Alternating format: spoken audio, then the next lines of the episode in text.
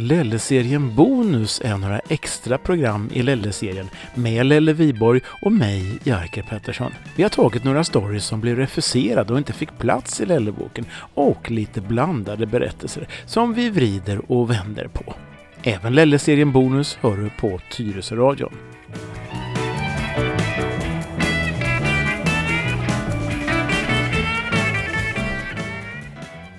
Och då säger jag välkomna till ännu ett avsnitt av Lelle-serien. Nu i lite ny form, eller ny eh, modell. Vi kallar det Lelle-serien Bonus helt enkelt, för det blir några avsnitt med historier som inte har varit med i Lelleboken och eh, lite andra funderingar, eller hur Lelle? Ja, vi kan väl kalla det för eh, Lelle-serien Vi vet inte riktigt vad det blir. Nej, det osäkra. Ja, precis. Så alltså, håll i er, det är väl ungefär budskapet. Ja, det Mm. är det. Men så farligt tror jag inte det blir. Folk är ju rätt härdade nu för tiden. Så att det... Du menar man lärt sig av de tidigare 20 avsnitten? Nej, jag tänkte att det är ju mycket på tv och andra medier som, som man tvingas svälja vare sig man vill eller inte. Man får vara lite tolerant alltså. Exakt. Alltså då drar vi igång här det 21 avsnittet med en story som, um, ja, alltså jag vet ju faktiskt inte ens vad den heter. Så det, det, det kan vara bra, alltså jag är oförberedd.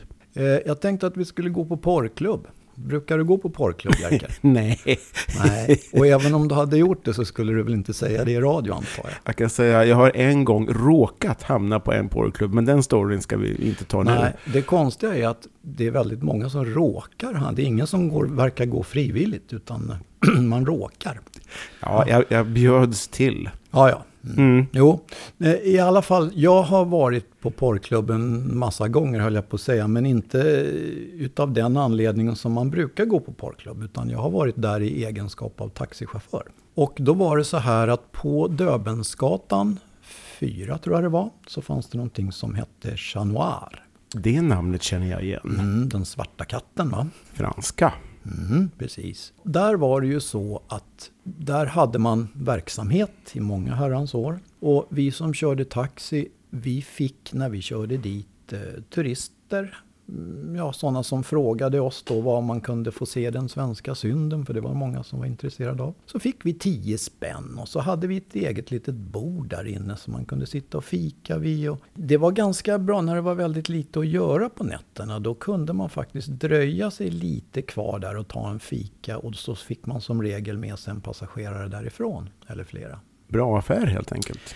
Ja, då, det var en bra affär och, och ja, det var väl inget fel på det. Och, och man kom ganska snabbt underfund med att de som jobbade där, tjejerna och killarna, och, ah, det var inte något speciellt med dem. Liksom. De, de hade ett, annon, en an, ett annorlunda arbete kan man säga. Minst sagt. Eh, Men i alla fall så, just den här kvällen då när vi ska eh, dra oss till minnes, det var ju då i mitten på 70-talet måste det ha varit. Det som var på tapeten då, det var att det alltid var väldigt många japaner i publiken där. Vi körde väldigt många japanska turister och affärsmän till dit. På den tiden då hade ju alla japaner hornbågade glasögon, bakåtkammat hår och 11 kameror runt halsen.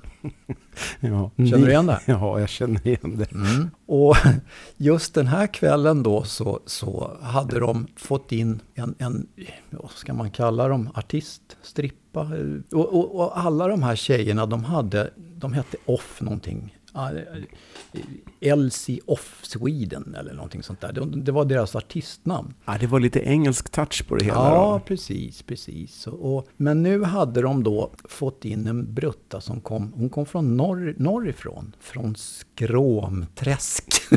Det, det är väl ingen större världsmetropol antar jag, men därifrån var hon i alla fall. Och hon var faktiskt eh, dotter till ett bondpar. De drev en gård. Och det hände väl att hon tröttnade på att köra traktor och, och harva och plöja och greja. Så då hade hon väl som ett litet extra knäck och, och uppträda på den här klubben, vad jag förstår. Dottern från Norrland drog till Stockholm och bytte yrke. Ja, tillfälligtvis då. då. Och, och det var inte precis vilket yrke som helst då. Men i alla fall, hon var väldigt välväxt. Eller får man, får man säga fullvuxen?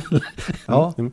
Syntes. ja, hon syntes bra och hon lät väldigt mycket. Hon hade en ganska mm, högljudd stämma och basröst. Och hur det nu än var där så, så började väl den här... Hon, de hade en sån där stång i mitten där som de En- å, ålade sig runt. Pole bar eller Ja, någonting just sånt där precis. va? Så heter det väl nu ja. Då hette det väl strippstång eller någonting sånt där. Stripstång Ja. låter ju... Hon bjöd på en show där som japanerna, de blev ju alldeles blanka i ansiktet. Och, och sen gick hon ner bland publiken och satte sig i knät på en av de här japanerna som satt där. Och han blev ju aldrig, brillorna började imma på honom. Och, och han andades tungt, det såg vi ända bort till oss där. Och grejen var att han hade en jättestor slips på sig. En, en prickig slips, en röd prickig slips. Alltså den såg ut som en ja, flugsvampsmönstrad. Ja, Så var 70-talsmodet va? Mm. Jättestora slipsar som haklappar. Liksom. Ja, precis. Den här um, Miss, eh, ja vad hon nu kallar sig för, Miss... Skråmträsk. Ja, just det, Miss Skråm, Skråm, Miss Skråmträsk of Sweden. Hon började knyta, hon satt där i hans knä och ålade sig och så började hon knyta av honom den här slipsen. Och han satt stel som en pinne och han rörde inte en min och till slut hade hon eh, knutit av honom slipsen och så drog hon den runt ja, halsen och så tog hon med sig den upp på scenen och, och började att och dra den där på olika ställen som man inte ska dra slipsar på.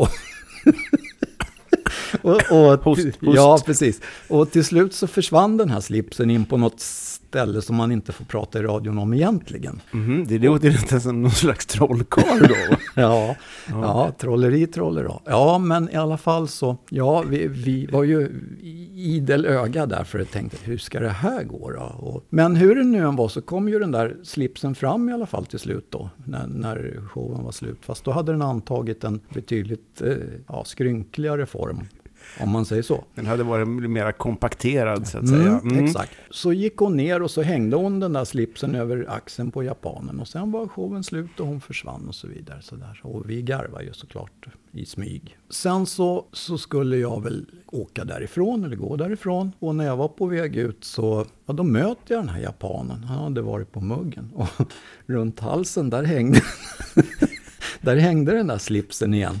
Den var med. Den var med och Eh, ja, jag, jag skulle inte vilja knutit på med den. Men, men hur det nu än var så gjorde han det i alla fall. Och jag hoppas väl att han fick en, en upplevelse utav den svenska synden då som hette duga. Det var någonting att ta med hem till Japan då. Ja, det var väl det. Det var väl det. Men, men jag tror ju att, jag hoppas att de hade ett strykjärn på hotellet innan han... Så han kunde då se anständig ut när han skulle tillbaka till sitt hemland. Ja, precis. Men, men det, var, det är en sån här liten grej som man, som man minns liksom från, från den där tiden. Hörru du, det var ganska vanligt sa du med japaner alltså som eh, Mm. i Stockholm då, Ja. 70-talet. Ja, eh, och inte bara japaner utan i det här fallet då japaner som gick på porrklubb. Det, jag vet inte varför det var just japaner men det, de kanske inte hade, ja eller om de... Det var det det här med den svenska synden som hade nått Mm. ända bort till Japan? Jag tror det. Jag tror att det var så. För jag vet att den nådde ut i Europa utifrån i till exempel Italien så såg man ju på den svenska synden med spänning. Ja. Vilket man inte kan tro. Nej, men alltså vad det gäller Italien då, då, då pratar vi väl Anita Ekberg och, och hela det där. Ja, köret. hon kanske var en leading lady i det där sammanhanget. Va? Mm, Mm. Det skulle jag kunna tro, åtminstone vad det gäller Italien. Jag vet att det gjordes en, nu spårar vi ur lite, en Ja. eh, italiensk eh, dokumentärfilm, eller vad vi ska kalla det då, om den svenska synden. Mhm. Och det arrangeras lite spektakulära bilder där det låg nakna kroppar på eh, skärgårdsklipporna hela tiden. Så, att, Ja. så det är klart, om man sprider den bilden, då kan ju tänka sig att en japan kan få en viss lockelse att komma till detta underbara land. Ja, jo, det, så kan det nog vara. Fina skärgårdsbilder, det är klart att det, det lockar väl kanske, för det var väl det som lockade. Ja, då. det låter ju i och för sig som att det distanserar sig något från en källarlokal på Döbelnsgatan. ja, det var ingen källarlokal, det var en fin lokal. Chat Noir, sa du. Ja, låg i backen där upp mot kyrkan. Var, hur, hur, eh, var det öppet hela nätterna där? Eller hur funkar det? Nej, liksom? det var, det var nog öppet bara på nätterna vill jag minnas. Jag har mig att de öppnade nog inte förrän klockan 21 eller någonting sånt där. Och sen var det ju det att de hade ju bar och det var ju jättefint där inne men det fick ju inte serveras någon alkohol. Jaså? Nej, utan eh, det var alkoholfritt och det fanns bubbel och sånt men det var alkoholfritt alltihop. Var det så hårt hållet alltså då på 70-talet? Mm. Om det var så verkligen överallt, det törs jag inte svara på. Men det där var det så i alla fall. Mm, annars förknippar man ju då eh, porrklubbar, åtminstone gör jag det, med att mm. det finns ett annat att dricka också. Ja, jo det, det, kan man väl tycka, men, men inte i det här fallet, utan här var det nyktert. Hur var det på den tiden? Var det flera porrklubbar i stan? Oh ja, det fanns massor. Det fanns ju en stor rackare uppe på Odenplan. Det var också ett sånt där japanställe som man fick köra mycket japaner till. Var det några andra än japaner som eh, lockades av det där? ja, det var väl i första hand turister. Av, inte bara japaner, utan det var väl från olika delar av världen. Hur gick det med de här porrklubbarna med tiden då? Nej, de slog ju, fick ju slå igen så småningom. Eh, jag tror att just den här som vi pratade om, Chat Noir, där, den var nog en av de som hängde i längst. Och, och det kanske till och med är så att de har någon verksamhet fortfarande, det törs jag inte svara på. Mm. Ja, det, vi får väl kolla upp det då.